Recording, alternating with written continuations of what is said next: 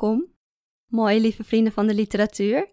Ik ben Richelle en wat fijn dat jullie weer luisteren naar Verhalen in de Vensterbank. Het verhaal van deze week is al een keer gepubliceerd en ik ben er ontzettend trots op, want het is gepubliceerd in het literaire tijdschrift DWB. En dat is een van mijn lievelingsliteraire tijdschriften. Ik vind dat ze zulke gave verhalen, zulke mooie dingen publiceren en ik hou ook erg van het interdisciplinaire karakter van het tijdschrift. Dat ze ook, ja, ze geven niet alleen een podium aan literaire kunstenaars, maar ook aan, nou, visuele kunstenaars. Dus dat vind ik gewoon ontzettend gaaf. En het verhaal gaat over twee koppels die gaan samen op vakantie. Die gaan samen, ja, een, een weekje, een weekendje naar een huisje. Maar de, de onderlinge verhoudingen, die beginnen allemaal te verschuiven en te veranderen wanneer een van die mensen, een van de vrouwen, zwanger blijkt te zijn. Ik wens jullie heel veel plezier met het verhaal. Even helemaal niets. Als je dat verhaal nou mooi vindt, laat het me dan even weten, want ik word daar altijd zo ontzettend blij van. U gaat luisteren naar het verhaal. Even helemaal niets. Geschreven en voorgelezen door Richelle en Edens. In de hele bungalow rook het naar jus. Mijn vrouw en ik stonden samen in het kleine keukentje. Het paste niet. Als we langs elkaar heen wilden, moest ik het aanrecht diep in mijn buik drukken. En de schuifdeur naar het terras kon niet eens open, want het plenste aan één stuk door.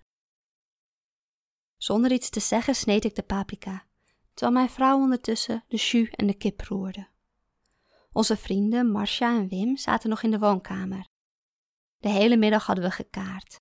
En gisteravond hadden we ook al de hele avond gekaart. Nu hoorde ik ze zacht praten, ze waren net niet te verstaan. Wat had je allemaal op je lijstje staan? vroeg ik. Mijn vrouw maakte voor iedere vakantie op de computer lijsten vol met bezienswaardigheden in de omgeving. Ze sorteerde ze op het aantal minuten rijden van het bungalowpark en verdeelde de dagjes uit in twee categorieën: overdekt of in de buitenlucht. Ze haalde haar schouders op. Het was niets voor haar om zo nonchalant te zijn over haar lijstjes. Ze was er weken mee bezig geweest, soms al maanden van tevoren. Ik was degene die altijd zei: Stel je niet aan, maak je niet druk. Wat is er mis met een beetje spontaniteit? Zij was de control freak, maar nu haalde ze haar schouders op. Ik keek naar haar. Haar gezicht verstopt in de wasem die van de pannen afkwam. Ik kon haar ogen zien en haar mond, en de uitdrukking op haar gezicht leek onverschillig. Maar de damp vervaagde de kleinste rimpeltjes, juist die rimpeltjes die mij zouden vertellen wat er echt aan de hand was. Haar schouders leken iets krommer dan normaal, iets ingezakt, of zat dat alleen maar in mijn hoofd? Misschien kunnen we morgen ergens heen, Even het huisje uit, met z'n twee of met z'n vieren. Hmm. Ze stak haar vork in de kip en draaide één voor één de vleugeltjes om. Ik pakte haar bij haar schouder en klemde haar tegen de beslagen schuifdeur. Doe normaal, zei ze. Ze probeerde me weg te duwen. Ik hield haar tegen. Wat is er? Niets. Ze antwoordde net iets te snel, haar stem net iets te hoog. Ik kuste haar op haar neus en op haar wang en op haar oor. Ik ben niet in de stemming, zei ze. Ik verdedigde mezelf. Ik probeerde uit te leggen dat ik niet op seks uit was, maar dat ik haar alleen maar had willen troosten. Het antwoord was enkel gegrom, diep in haar keel. Ze duwde me weg en schoof de paprika bij de ui in de pan. Daarna pakte ze het zakje kruiden. Ze scheurde de bovenste rand ervan af. Schat, zei ik. Wat? snauwde ze. Een bioscoop dan? Is er geen dorpje met een bioscoop in de buurt? Van hier binnen zitten worden we allemaal zaggerijnig. Marcia is zwanger, zei ze, en we hebben gezoend. Ik staarde naar de pan met kippenvleugeltjes. De belletjes in de bruine jus groeiden en spatten daarna kapot. De paprika lag er rood tussen, te rood. Het kreeg iets agressiefs, iets bloederigs. Ik glimlachte. Vind je dat geil? vroeg mijn vrouw. Ik schudde mijn hoofd. Nee, Marcia en ik, half naakt alleen thuis, met onze lippen tegen elkaar en onze tongen. De huid van een vrouw is veel zachter dan een huid van een man. En niet alleen vanwege het gebrek aan stoppels, het is ook de spierspanning op de lippen. Mannen zoenen zo, ze drukte zichzelf tegen mij aan, en vrouwen zo. Ik proefde het verschil niet. Beide keren waren haar lippen even zacht tegen die van mij. Beide keren smaakte ze naar de kruidenjus die ze had gesnoept. Oké, zei ik. Ik pakte de houten lepel en roerde in de pan.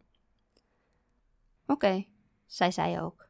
Ze bleef met haar rug tegen de beslagen schuifdeur leunen, haar armen over elkaar. Het was die avond dat jij en Wim naar de pubquiz waren, zei ze. We hadden gewonnen toen, zei ik. Ik wist niet zeker of ik boos op haar moest zijn. Ik wist niet zeker of vrouwen die vrouwen zoenden ook telden als vreemdgaan. Dat zal, zei zij. Het bleef een tijdje stil, afgezien van gesis van het gaspitje en het gepruttel in de pannen. Mijn vrouw sabbelde op een loszittende pluk haar.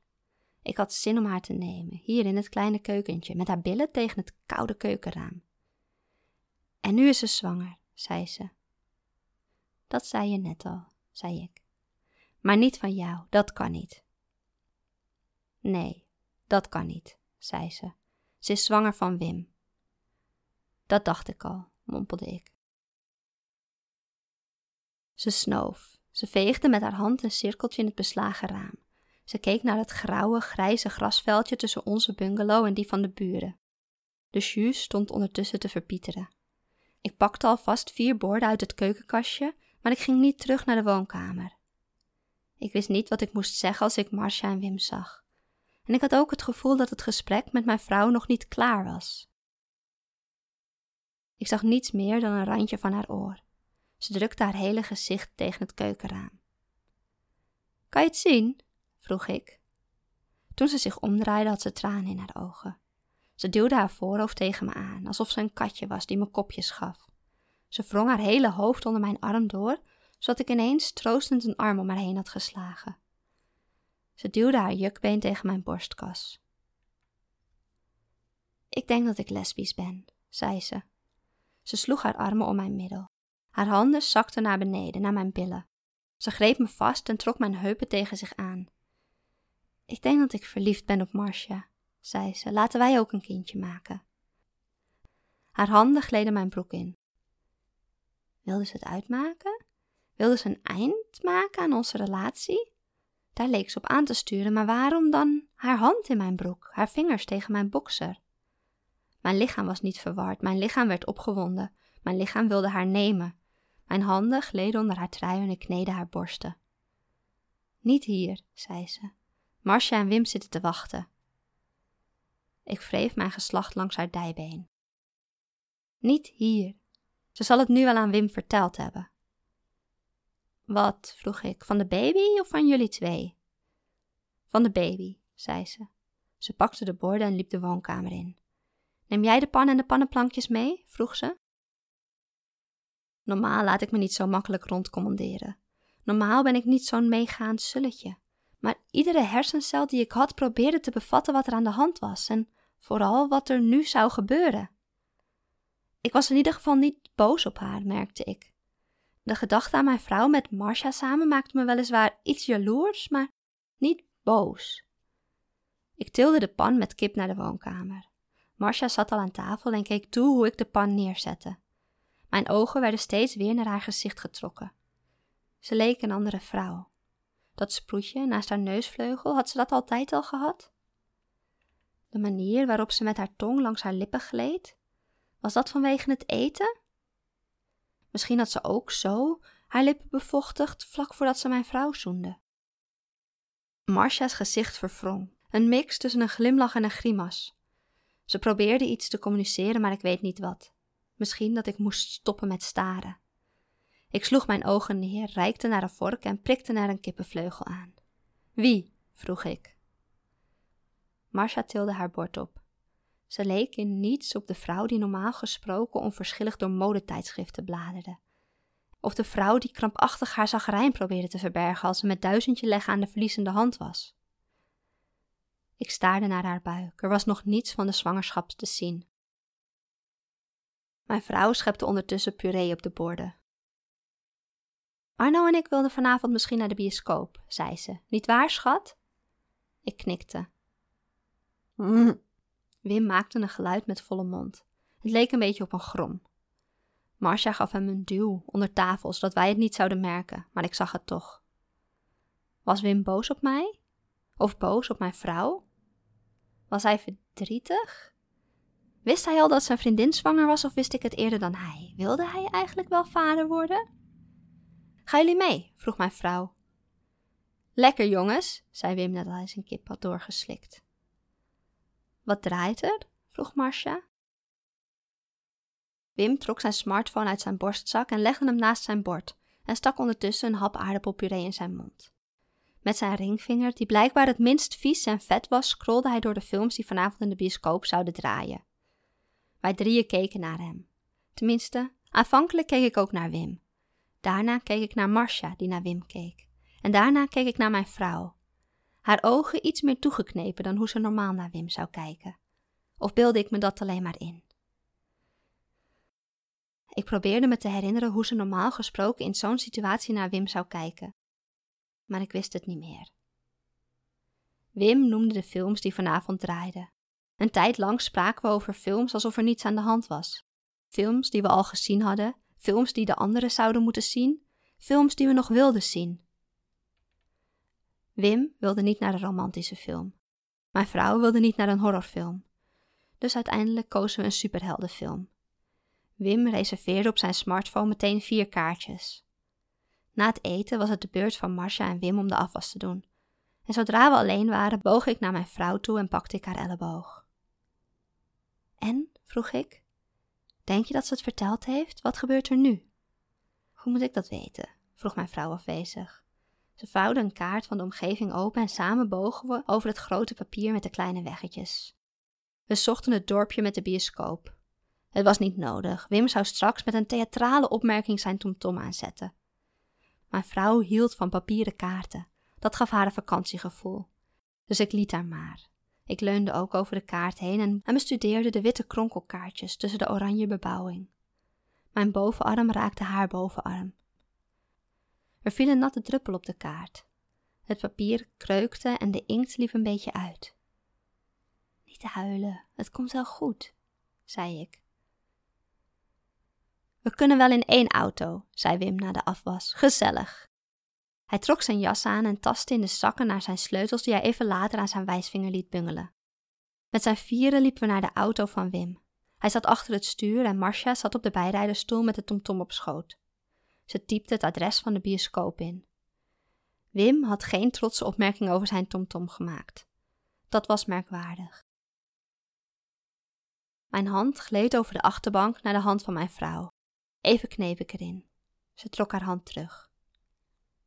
Gaat het? vroeg ik zachtjes. Marcia had me blijkbaar toch gehoord.